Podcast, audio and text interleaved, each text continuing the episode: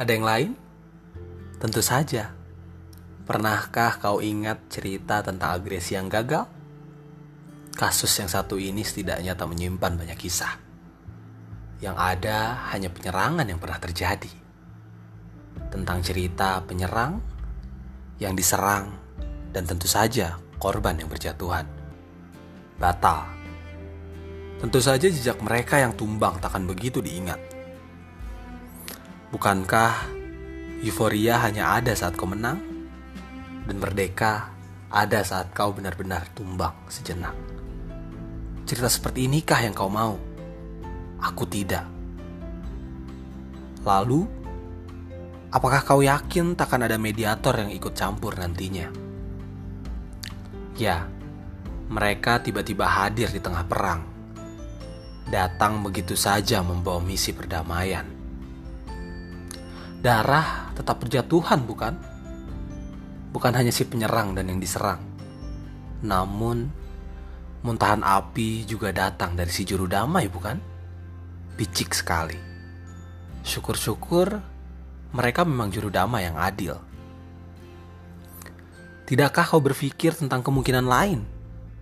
Kadang mereka mendekat, memediasi pihak tertentu, dan akhirnya hubungan diplomatik terjadi. Oke, kerjasama baru ditandatangani. Kemerdekaan yang satu pun dihargai. Dengan pihak sebelah dan mediator sebagai aktornya. Indah sekali. Sementara sebelah pihak yang beragresi tadi hanya bisa menyelami kegagalan. Cap penjajah akan diterimanya. Dunia tak terima, dikucilkan. Miris bukan? Lagi-lagi bukan itu yang ku mau. Sepertinya itu maumu. Dan dia mungkin. Hei, aku tak mau agresi semacam ini. Terlalu agresif, terlalu riskan. Bukankah awalnya aku inginkan kau karena kekaguman? Juga rasa nyaman?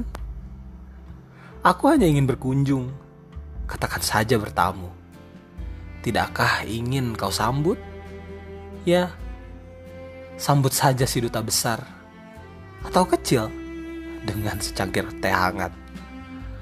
Dan kau bisa acuhkan perjanjian kerjasamanya.